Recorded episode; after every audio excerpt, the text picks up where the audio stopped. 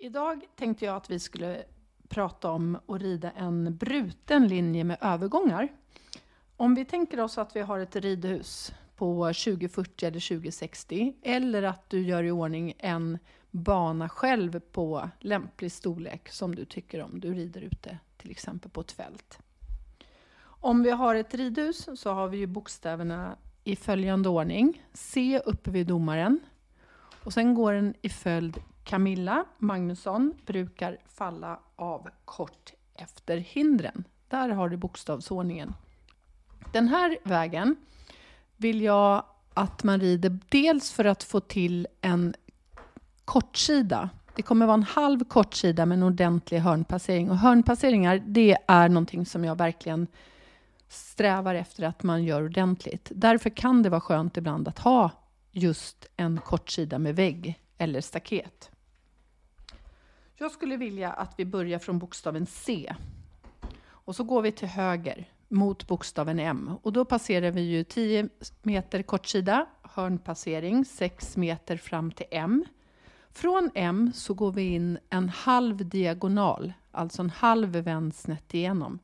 Från bokstaven M till X. Från X, alltså i mitten av ridbanan, så går vi rakt fram på medellinjen fram till bokstaven A. För enkelhetens skull så går vi tillbaka ut till höger varv. Vi håller alltså samma varv. Då går vi höger från A, rak kortsida, ut i hörnet, vänder in vid bokstaven K, går från K till X, en halv vänd snett igenom. Vid X bryter vi linjen och går en halv vänd rätt upp. Så det blir en bruten linje. Och den här vägen nu, den kan vi först göra i skritt så att vi bara med situationstecken hittar vägen med så små hjälper som möjligt. Tänker på checklistan som vi har gått igenom förut, att du verkligen är mitt över hästen. Att du inte behöver styra hästen med mycket hårda, stora hjälper.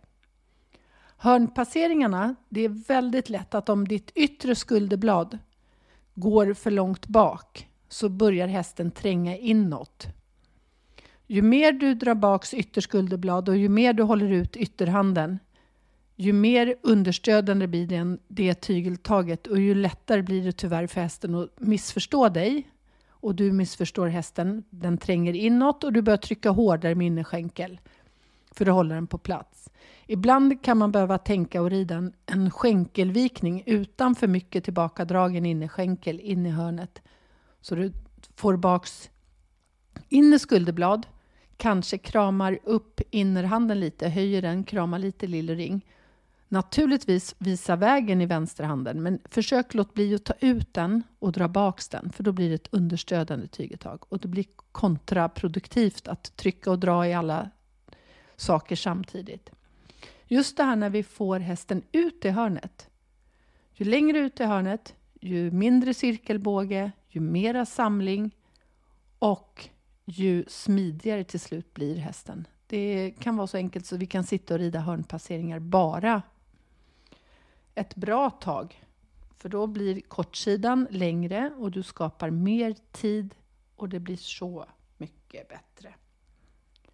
När du kommer ut i hörnet, då har du kanske 4,5-5 meter kortsida kvar till första bokstaven. Och det underlättar ju när vi ska vända in på en diagonal, att du har skapat tid innan hörnet, genom hörnet och efter hörnet. Då kommer du inte insladdande in på diagonalen. När du sen kommer fram till den brutna linjen, alltså från vänd snett igenom och ska ta dig upp till vänd rätt upp, så vill jag att man gör som en liten bakdelsvändning. Relativt rak, så att vi tänker att vi bara flyttar i det här fallet ytter framben. Då förutsätter jag nu att vi har ställning inåt. Det hållet vi ställer hästen åt heter inner och den andra sidan heter ytter oavsett hur rummet ser ut eller vart du än rider. Utan regeln är ställd häst innersida, den andra sidan heter ytter. Och det är ytter framben som vi ska flytta in på nya linjen. Så när du kommer i det här varvet så ska du, går du vänsnet igenom och ska upp på medellinjen. Då är det höger framben som ska gå ett steg framför och förbi det vänstra. Och sen rider vi spik rakt fram mot bokstaven A eller C beroende på vilken punkt du kommer ifrån. Om vi nu börjar jogga fram. Vi säger att häst, du kan övningen skritt och hästen är uppvärmd i skritt ordentligt.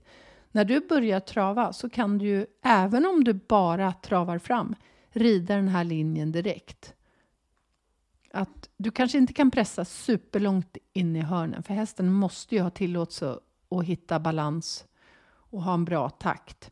Men om du bara rider vägen och håller kvar checklistan att du är mitt över, du håller kvar tanken att det ska vara lätt utan kraft, då har du en tydlig väg och hästen vill alltid känna balans från dig. Den vill veta sin takt, sin gångart, sin fart och den vill förstå vägen. Dina axlar kan man säga sköter vägen, hur frambenen ska gå. Ditt säte och dina ben sköter vilken fart bakbenen ska ha. Dina armar håller halsen rak och mjuk. Och dina lilla ringfingrar, de, de är där och ger förhållning och eftergift. Skänken mjukt intill. När du börjar jogga den här vägen så kan du någonstans tänka också att du ska byta varv. Och då blir det att man rider till exempel C till M, M till X, X till A och så byter du varv. Och så går du F, alltså till vänster, F till X, X till C, C till H, H till X. Och då får du en väg där du med jämna mellanrum kan byta varv. Och när du håller på att byta varv nu, ju högre fart, ju smartare behöver du rida mot bokstaven A och C. Då kommer ett litet tips här, framförallt för er som ska rida dressyrprogram. Om du ska svänga till exempel till vänster vid bokstaven C, se till att du håller lite, lite, kanske 30, 40, 50 centimeter ifrån bokstaven C till höger. Därför att när du går ut en rak linje lite till höger om bokstaven C och ska svänga vänster, då har du skapat dig själv plats att faktiskt få 10 meter kortsida mellan C och hörn. Om du siktar mitt på bokstaven C eller till och med hamnar lite till vänster om du ska till vänster så kommer kortsidan bli väldigt kort. Alltså du kan uppleva stress eller att hästen inte hinner bli rak eller att det faktiskt inte blir rakt. När du har joggat igång nu, du känner att du har bra takt och balans, då skulle jag vilja att ungefär en meter innan du bryter linjen, alltså från vänstret igenom till vänstret upp, så vill jag att du saktar av till skritt. Upplevelsen ska vara att när du tänker tanken stannar kroppen, andas ut och slutar trava, så ska hästen sakta av till skritt. Och så gör du din bakdelsvändning, ett steg. Vänder ytter framben framför och förbi det inre. Ena frambenet framför och förbi det andra. Och när du har fått hästen rakt fram mot din punkt, C eller A, så kommer du fram i trav igen. Väljer varv, ut i hörn, vänder in på diagonal, saktar av till skritt, vänder ytter framben framför och förbi, kommer fram i trav, väljer varv. Och så här vill jag att du bara sitter och gör. Med samma fokus, samma lugn. Och för varje varv så ska du närma dig att det går mer och mer på tanke och känsla i säte och hand än att du gör stora hjälper. Och för varje varv så strävar vi efter att det blir mer och mer precision. Alltså att du kommer exakt där du har tänkt. Om du är tydlig så kan du kräva eller be hästen vara lydig. Men om du är otydlig så har du faktiskt egentligen ingen rättighet att börja korrigera hästen. För du måste först börja med att korrigera dig själv. Har du skulderna rätt? Är de på väg dit hästens framben ska? Är dina händer lika mjuka, likadana? Sitter du mitt över hästen?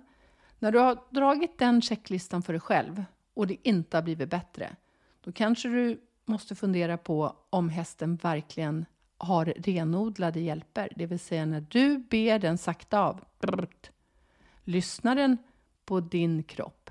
Eller har du fällt tillbaks axeln för långt och driver på med sätet in i övergången så det är därför det inte blir en bra övergång? Så att du först, innan du börjar korrigera, agera med dig själv. Styr dig själv. Försök ta beslut på dig själv. När det här funkar väldigt bra, och det gör det ju nu, för nu ser jag framför mig hur du gör det här med stor precision. Då skulle jag vilja att du eh, i hörnpasseringarna verkligen försöker få hästen ställd och böjd.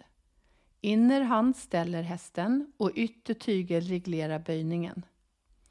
Innerhanden, om man tänker lillfingret inåt uppåt och ytterhanden lite, lite ytteraxeln lite, lite framåt så kommer hästen skapa ställning och böjning.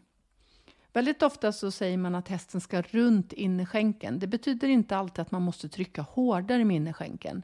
Men innerskänken ska vara där, mjukt och tätt intill. Det här med att man vill ha hästen mer runt skänken kan ju lätt missuppfattas och då blir det, kan det bli att man trycker så hårt med innerskänken så det blir svårt för hästen att förstå sen när den ska vända ur hörnpasseringen in på diagonalen. Och där behöver man ju försöka analysera vad vissa övningar eller vissa order man får egentligen betyder. För hästen mer runt innerskänken, då kan jag tänka mig att man egentligen menar att hästen, hästens yttersida ska bli längre. Genom att du skapar mer plats för yttersidan, från mungipa till ytterbakben, genom att du tar fram ytteraxeln och ger lite på yttersidan Två jämna tyglar, absolut, du ska inte hålla hårdare inne, men du ska inte heller hålla hårdare ytter. Och när yttersidan blir lång i hörnpasseringen så blir innersidan kortare. Så det är du som skapar en kort innersida. Det viktiga är när man gör hörnpassering, om man är till exempel stark i högerhanden, så gäller det att sluta svänga i tid. Det vill säga, håll inte kvar ställande tyguttag och var inte framme med ytteraxeln för länge, därför att då kommer hästen inte komma rakt fram efter hörnpasseringen. Så där måste du lära känna din kropp också och din kvickhet så att du inte svänger för länge. Tänk 80-90% av svängen och sen måste du börja rida rakt fram. Och för dig som tycker om att hoppa så är det jätteviktigt. Annars kommer banbyggarna ställt hindren fel på diagonalen och det blir så tråkig stämning då. Den här brutna linjen med övergångar, den skulle jag vill jag säga är perfekt att ta och rida när du inte vet vad du ska göra. Istället för att bara rida rakt fram runt fyrkantsspåret så ger den här större möjligheter till att agera och interagera med din häst. Ha en trevlig ridtur!